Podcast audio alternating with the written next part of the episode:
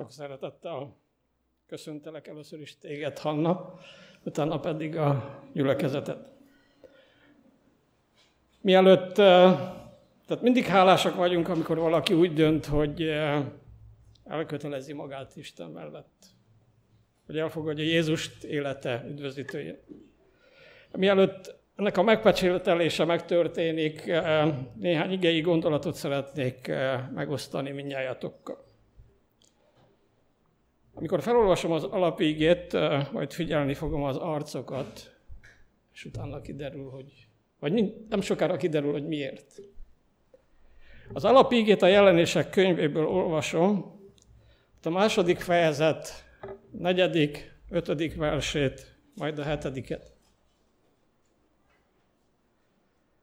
De az a mondásom ellened, hogy az első szeretetet elhagytad, Emlékezzél meg azért, honnét estél ki, és tér meg, és az előbbi cselekedetedet cseleked. Ha pedig nem hamar eljövök ellened, és a te tartodat kimozdítom helyedből, ha meg nem térsz. Akinek van füle, haja, amit mond a lélek a gyülekezeteknek, a győzedelmesnek enni adok az élet fájáról, amely az Isten paradicsomának közepette van. Lehet, hogy furcsán hangzik egy ilyen ége egy keresztség alkalmával, alapégeként. És az arcokat figyelve gyanúsan, többen gyanúsan néztek rá. Hogy lehet ilyen ígét felolvasni, amikor valaki elindul ezen az úton? Ott zakatolhat bennetek, hogy ez, egy, hogy ez ünneprontás. Hogy hogy mi az, hogy az első szeretetet elhagytad, mikor el se indultál.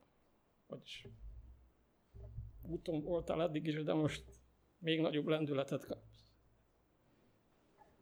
De gondoljuk végig egy kicsit ezt az ígét, mert nem csak neked, hanem a többieknek is szeretnék üzenetet átadni. Gondoljuk végig egy újonnan megkeresztelt szemszögéből. Gondold át te is, Hanna, ezt az ígét. Lehet, hogy eh, ez a gyülekezet kivétel, de biztos ennek ellenére hallottad már, hogy hányszor te tudod, amióta a gyülekezetben, eh, gyülekezetben jársz, hogy a testvérek azt mondják, hogy már nincs meg bennem, nincs meg a gyülekezetben a másikban az első szeretet. És bezzeg akkor. Engem keresztségem előtt is, hiszen az egyházban nőttem fel, többen tudják már lassan kívülről, hogy kilenc hónappal a születésem előtt gyülekezetbe jártam, és utána is zavart, és ma is zavar ez a megjegyzés két okból. Zavar, mert nem a leghelyesebben alkalmazzuk, magyarázzuk ezt az ígét. Zavar, mert ezt törvényszerűnek tartjuk, hogy ez elkerülhetetlen. Hogy keresztség után egy idő eltelte után két, három, tíz, kivit gondol vagy mond, bekövetkezik az első szeretet elhalványulás. A szeretet Pálnál és János leveleiben a keresztény élet teljessége. Jézus vágyja, hogy az efézusi gyülekezet elhagyta az első szeretetet. Nem azt jelenti, hogy a Krisztus iránti kezdeti rajongása és lelkesedése elmúlt, erről is lehet szó, de csak másodlagosan, és nem ez a fő üzenet ennek a szakasznak. És mi mégis általában erre alkalmazzuk. Erre érdemes lenne figyelni. Felmerül, felmerül a kérdés, ha így értjük ezt az üzenetet, és megismétlem, ez is benne lehet ebben az üzenetben, de nem csupán ez. Törvényszerű-e, hogy ez így történjen? Mert időnként elejtett megjegyzésekből arra következtetésre kell jussak, ahogy előbb mondtam, hogy sok adventista szerint ez törvényszerű.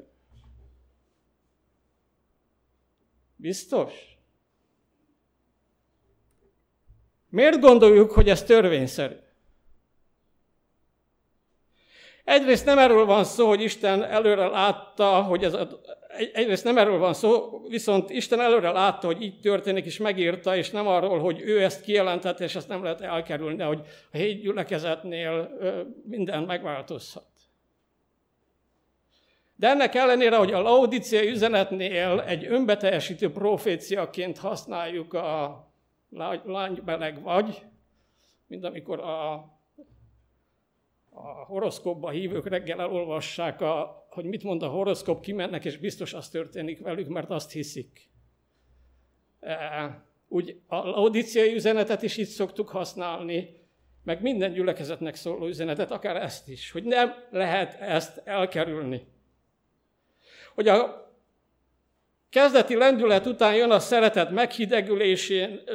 meghidegülése, bármelyik formájáról legyen szó, az elsődleges vagy a másodleges, bár a kettő összefügg. És amikor elfogadja, valaki elfogadja Jézus iránta való elkötelezettsége, mély, teljes és heves, nem szükségszerű az, hogy ez a szeretet eh, halványuljon, hogy az Isten ismerete és a Biblia tanításának ismerete növekszik. Sőt, én azt kell mondjam, hogy egyre jobban megismered Istent, Jézust, és egyre jobban megismered a Biblia tanításait. Ezt a szeretet eh, az ismeret növekedésével egyre erősebb. Nem igaz az, hogy egyre gyengébb. Ha van első szeretet tüze, akkor a második, a harmadik szeretet tüze még erősebb kell legyen, mint a nem gyengébb, ahogy állítjuk. Tanácsok a gyülekezeteknek, bizonságtévetelek a gyülekezeteknek hetedik kötetében azt olvassuk, legyen számodra Jézus a kezdet és a vég, és mindenben a legjobb. Folyamatosan szemléld őt, és az iránta való szeretet naponta mélyül és erősödik. És ahogy az iránta való szereteted növekedik, nem azt írja Ellen White, hogy gyengül, növekedik, az egymás iránti szeretet is mélyül és erősödik. Én találkoztam már olyan személyekkel, akik 20-30 év után is ugyanolyan tűzzel és lendülettel végezték feladatukat.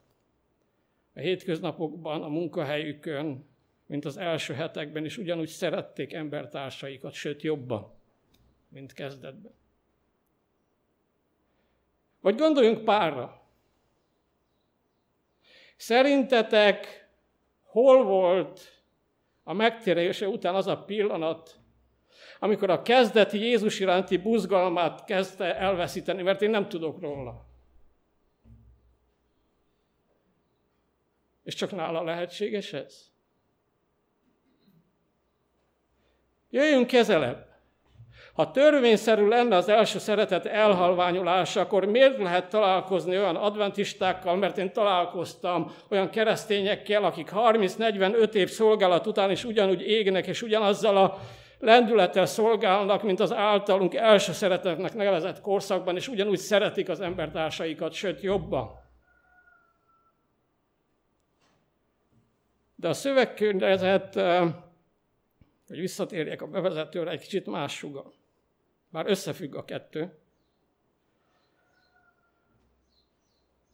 Az elsődlegesen mást jelent ez a szakasz. Azt, hogy meghidegült, nem az Isten iránti buzgalmuk, hanem az egymás iránti testvéri szeretet. Ugyanolyan buzgalommal végeztek mindent. Csak egymás iránti szeretetük gyengült. Testvéri szeretet nélkül pedig a keresztény élet semmi, írja a Korintusi első levél 13. Eh, fejezete. Nyelveken beszélhetsz, angyalok nyelvén. Tökéletesen ismered és magyarázhatod a proféciát. Olyan hited van, hogy csodákat tudsz tenni, a másokon segítő keresztény minta példánya lehetsz, sőt, mártír halált is vállalhatsz. De ha nem a szeretet, a motiváló ereje, hanem valami más, akkor nem ér semmit, azt írja Pál. És valahol ezt veszítették el az efézusiak az úton.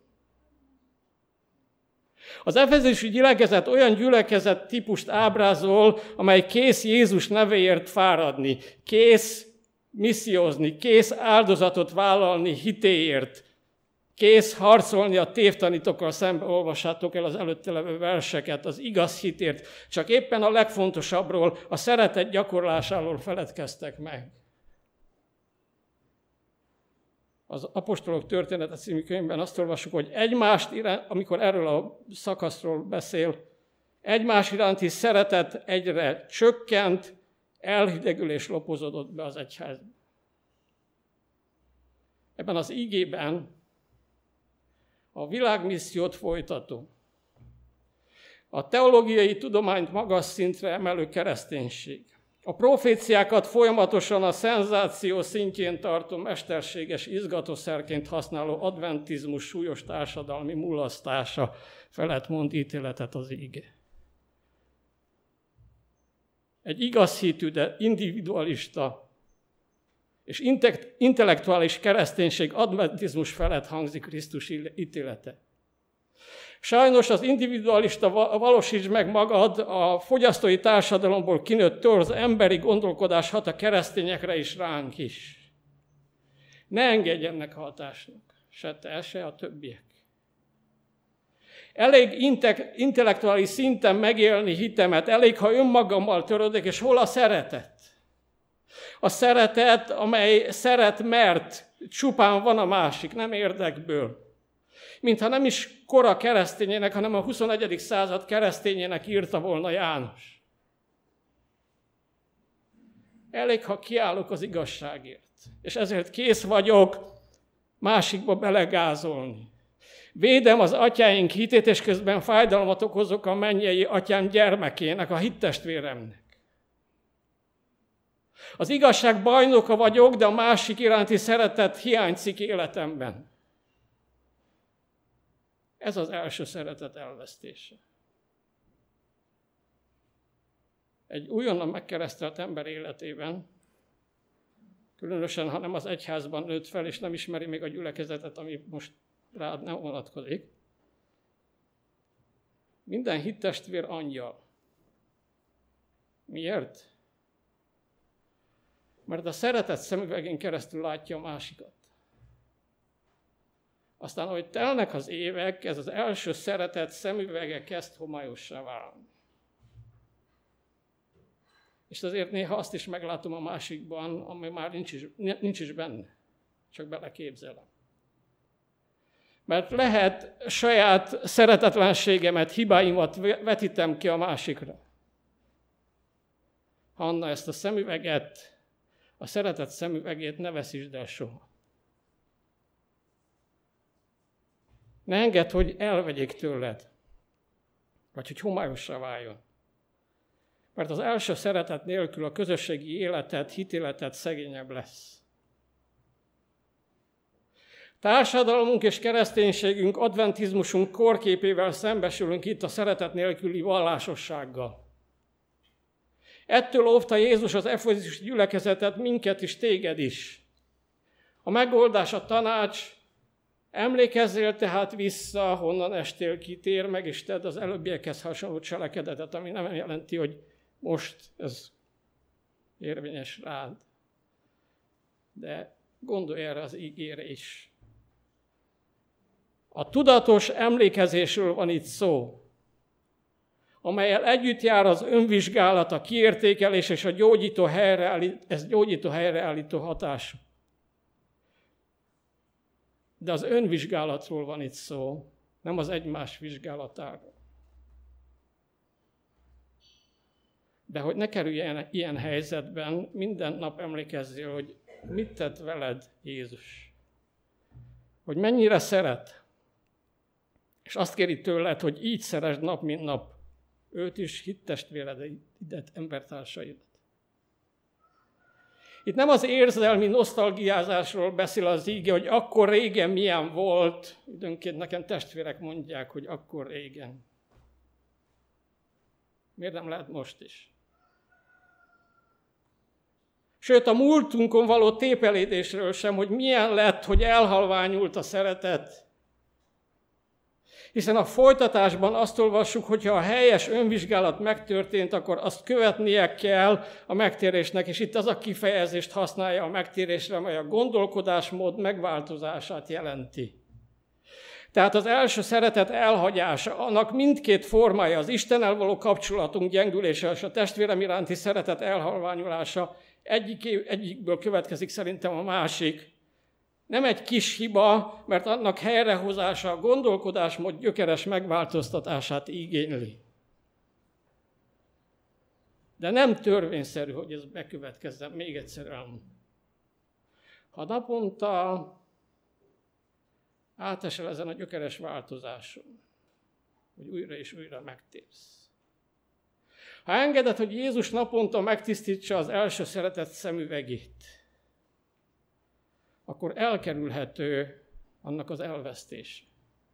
És végül azt olvastam, hogy akinek van füle, hallja meg, mit mond a lélek a gyülekezetnek, aki győz, annak enni adok az élet fájáról, amely az Isten paradicsomában van.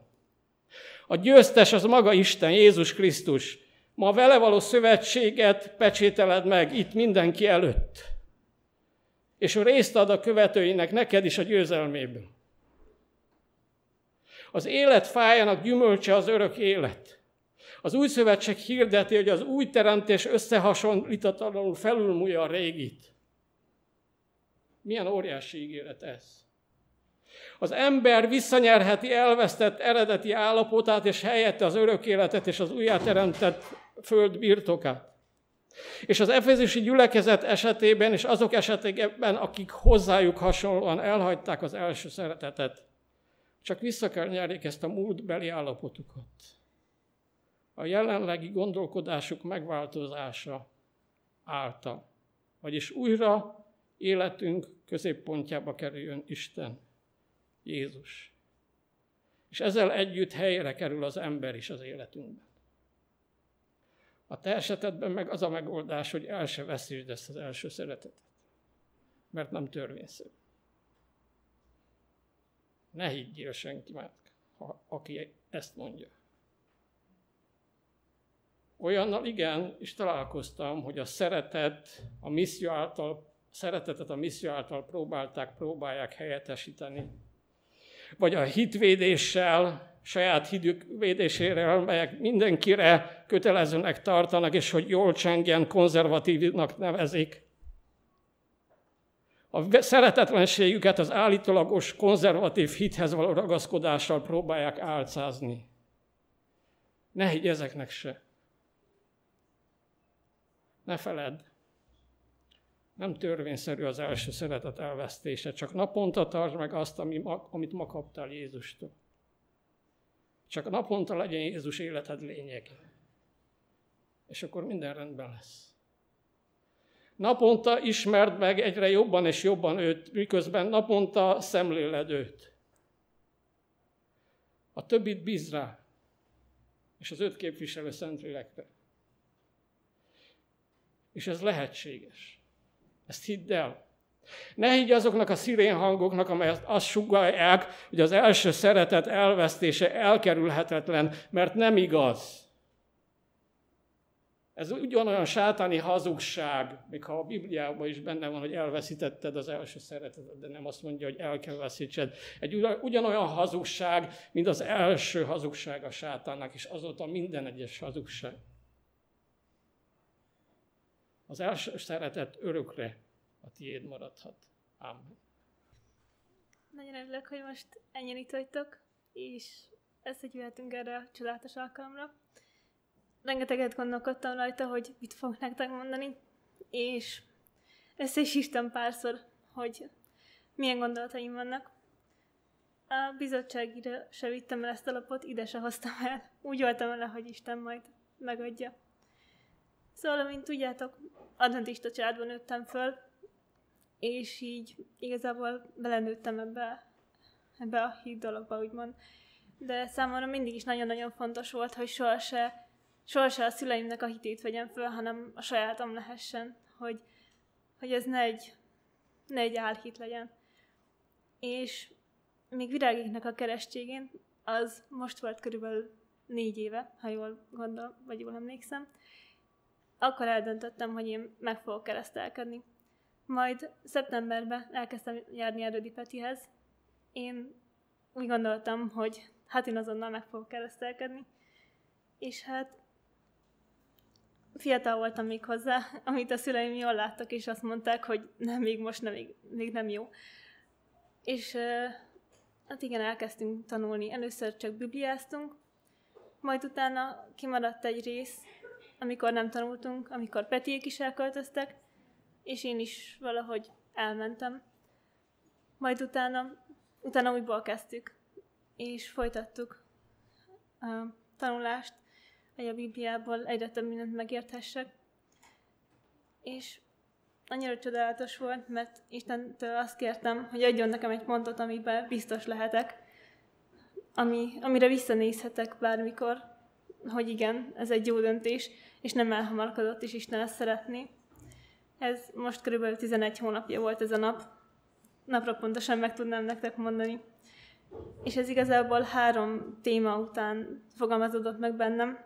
Az egyik volt az egyház, a másik a maradék is annak a küldetése, a harmadik pedig ennek az egyháznak az egysége.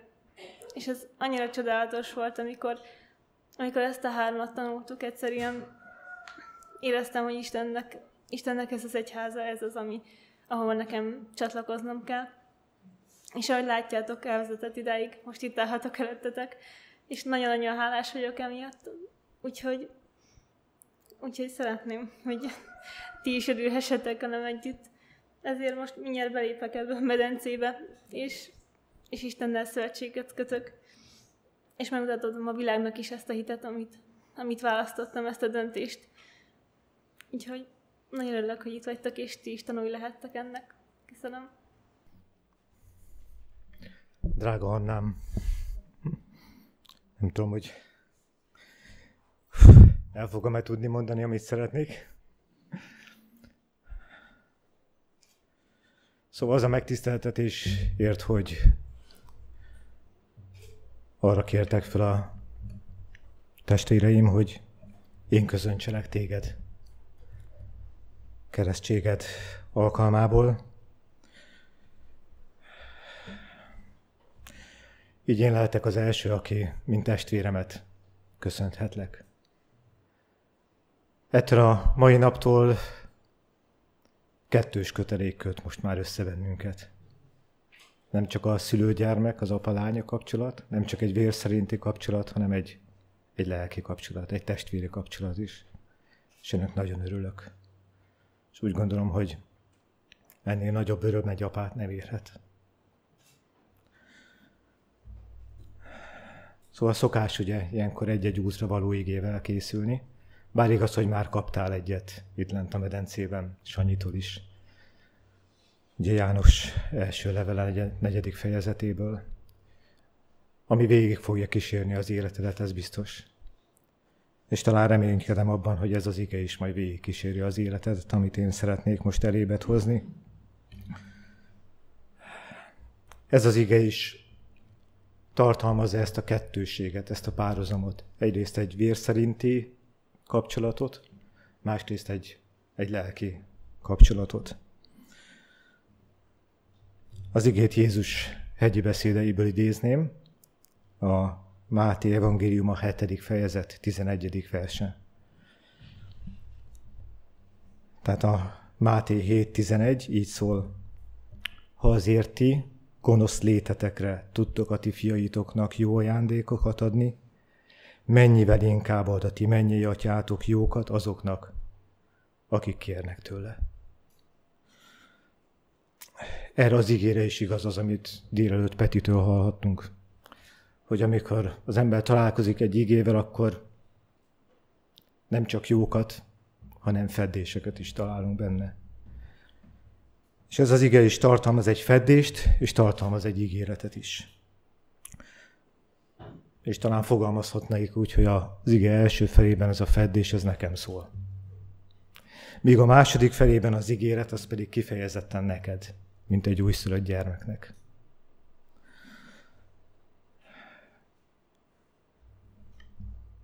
Ugye ez az igének ez a megállapítása, hogy, hogy ti azért gonosz létetekre tudtok jó ajándékokat adni a ti fiaitoknak. Ez valóban igaz ránk, szülőkre, apára rám is. Igaz ez a jellemzés. Bármennyire is szeretne az ember egy tökéletes keresztény életet élni, sajnos a jellemzés az igaz.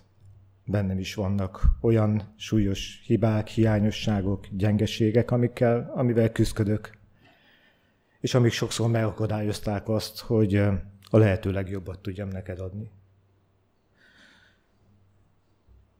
És nyilván ezeket te is látod, te is felismerted átestél ezen a csalódáson. Ugye kisgyermekként még mindenki azt mondja, hogy az én apukám a legerősebb, a legszebb, a legokosabb, mindenben a leg. Ezt utána jön egy időszak, amikor kezdenek fölnyílni a szemek, és akkor, kijön a, és akkor rájön arra, hogy hm, tényleg ő a legtökéletesebb? Tényleg ő a legerősebb? Én már nem így látom.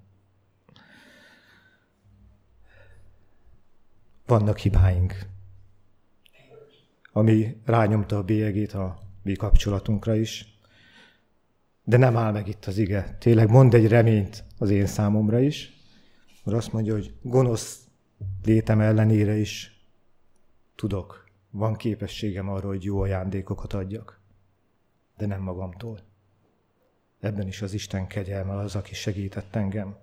Aki erőltette bennem, és nem csak bennem, szerintem minden szülőbe elültette a gyermeke iránti szeretetet, felelősségérzetet, gondoskodást, aggódást, és ebből fakadnak azok, hogy az ember a legtöbbet, a legjobbat szeretné megtenni a gyermekének. Tehát mindaz a jó, amit tapasztalhattál tőlem, az nem az én érdemem, az az Isten kegyelme. És nyilván, amikor ezt az igét a Jóisten elém hozta, akkor egy kis számadásra is késztetett önmagammal szemben. Mik voltak azok, amiket elrontottam, amit rosszul tettem. Számtalan dolog eszembe jutott, és olyanok, amik bántanak, olyanok, amiket, hogyha visszapörgethetném az időt, akkor már másképp tenném. De ezt nem tehetjük meg. Csak annyit tudok tenni, hogy, hogy bocsánatot kérek tőled ezekért a hiányosságokért. És számba vehetném azt, hogy mik azok a dolgok, amik eszembe jutottak, egészen kislánykorodtól napjainkig. Kislányként is olyan sokszor volt az, hogy érkeztem haza munkából, és szinte rajongva vártál, hogy végre megjöttem, és csak veled fogok foglalkozni. És erre okoztam a nagy csalódást, hogy nem, nekem még feladatom van, munkám van, le a gép elé dolgozni. És ez így telt el egyik alkalom után a másik. Sajnálom, hogy ez így volt, és nem töltöttünk elég időt. És sajnos azt kell mondanom, hogy még a napjainkig is végig kísérez bennünket. Hányszor volt olyan, hogy oda jöttél, hogy gyere apa, segíts matekban, fizikában. Jó, jó, mindjárt dolgom van, mindjárt várj egy kicsit majd. Igaz? hogy amikor oda jöttél hozzám, hogy gyere apa, mikor vezetünk, gyere, úgy szeretnék, ú, most megint nem érek rá, most nem alkalmas, majd keresünk rá máskor időt. Ilyen egy földi apa sajnos. De ott van az ige másik fele, ami egy nagyon szép ígérettel folytatódik. És szinte ebből a földi tökéletlenségből átvált egy teljesen más léptékre egy mennyei tökéletességbe vált át. Bemutat egy olyan apát a mennyei atya személyébe, aki, aki ugye nem egy tökéletlen apa, hanem egy tökéletes Isten. Aki ennek a tökéletességnek az erejével tud figyelni rád, és vágyakozik arra, hogy jó ajándékokkal halmozzon el téged. Ez a mennyei apa, ez, ez sokkal több, sokkal nagyobb, sokkal értékesebb ajándékokat tartogat a te részedre, mint amilyeneket tőlem kaphattál. És ez nem baj. Bennem csalódhattál, és valószínűleg fogsz is még csalódni, de ő benne sose lehet csalódni. és sokkal jobban ismer, mint én téged, és egyből fakadóan ő sokkal inkább személyre szabottabb ajándékokat tud neked adni, mint amilyeket én tudtam adni. De ott van az ige végén még egy rövid gondolat. A te részed, a te feladatod. Az ige úgy záródik, úgy fejeződik be, azt mondja, hogy kérjed. Kérjed ezeket a jó ajándékokat. Bátran igényelt, szinte bátorít az ige erre. Igényelt tőle ezeket, és ő megadja neked ezeket a jó ajándékokat. Ez a hozzáfűződő gyermeki kapcsolat óriási nagy ajándékokat rejt a számodra. Az én ajándékaim és az ő ajándékai között a különbség leginkább abból fakad, hogy én egy véges, bűnös, e földön érő, ide bezárt ember vagyok, ő azonban végtelen. És ebből fakadóan semmilyen korlát nem akadályozhatja meg őt abban, hogy téged megajándékozzon. Tehát kérjed őt, kérjed hittel, semmit sem kételkedvén, ahogyan Jakab apostol írja. És ha már Jakabnál járunk, még egy gondolatot idéznék tőle. Azt mondja, hogy minden jó adomány és minden tökéletes ajándék felőről való, és a világosság atyától száll alá. Mik lehetnek ezek az ajándékok, amik felülről szállnak alá? Ugyanezt az igét, amit Mátétól idéztem, Lukács evangélista is leírja, és szinte szó szerint ugyanígy. Egyetlen egy dolog az, ami más az ő leírásában. A jó ajándékok helyett ő azt mondja, hogy szent lelket. Kérjed, és ő ad szent lelket. Ez a legnagyobb ajándék, amit az Isten adhat. Az ő lelkének az ajándéka. Mik lehetnek még ezek az áldások? Már idéztem Jakab apostolt, és nekem a kedvenceim közé tartozik, és azt hiszem, hogy a családunkban nem vagyok egyedül ebben. Ő egy másik jó ajándékot is kiemel, mégpedig a bölcsességet. Ugye erre ugyanezt fogal, fogalmazza meg, hogy kérjétek a bölcsességet. Ha nem rendelkeztek bölcsességgel, kérjétek. És ő készségesen és szemrehányás nélkül adja. Azt hiszem, hogy itt a mi világunkban talán ez a másik legnagyobb ajándék, amire igazán szükségünk van, a bölcsesség. De Isten ajándékai közé tartozik még nagyon sok minden más. Itt felsorolhatnák jó néhány dolgot. A segítőtárs, a család, a gyermekáldás, mint amilyen te vagy nekem. Ugye a hitvallás, akár ebben a világban, vagy akár az ő művében, az egészség, amit kaphatunk tőle, anyagi javak, és az örök élet nyilván. Tehát, drága Hannám, ez az ige arról szól, hogy az Istennek vannak ajándékai a részedre, és mindezeket nagy örömmel akarja megadni neked. Csak kérjed. Csak kérd hittel, semmit sem kételkedvén. Ez egy, ez egy csodálatos lehetőség, és kívánom, hogy éljél ezzel, éljél ezzel, élj vele, és hálaadással tapasztald az ő ajándékait minden nap. Amen. Annak pedig, aki megőrizhet titeket a botlástól, és dicsősége elé állíthat fethetetlenségben újongó örömmel. Az egyetlen Istennek, ami üdvözítőnknek, a mi Urunk Jézus Krisztus által dicsőség, fenség, erő és hatalom mostantól fogva mindörökké. Amen.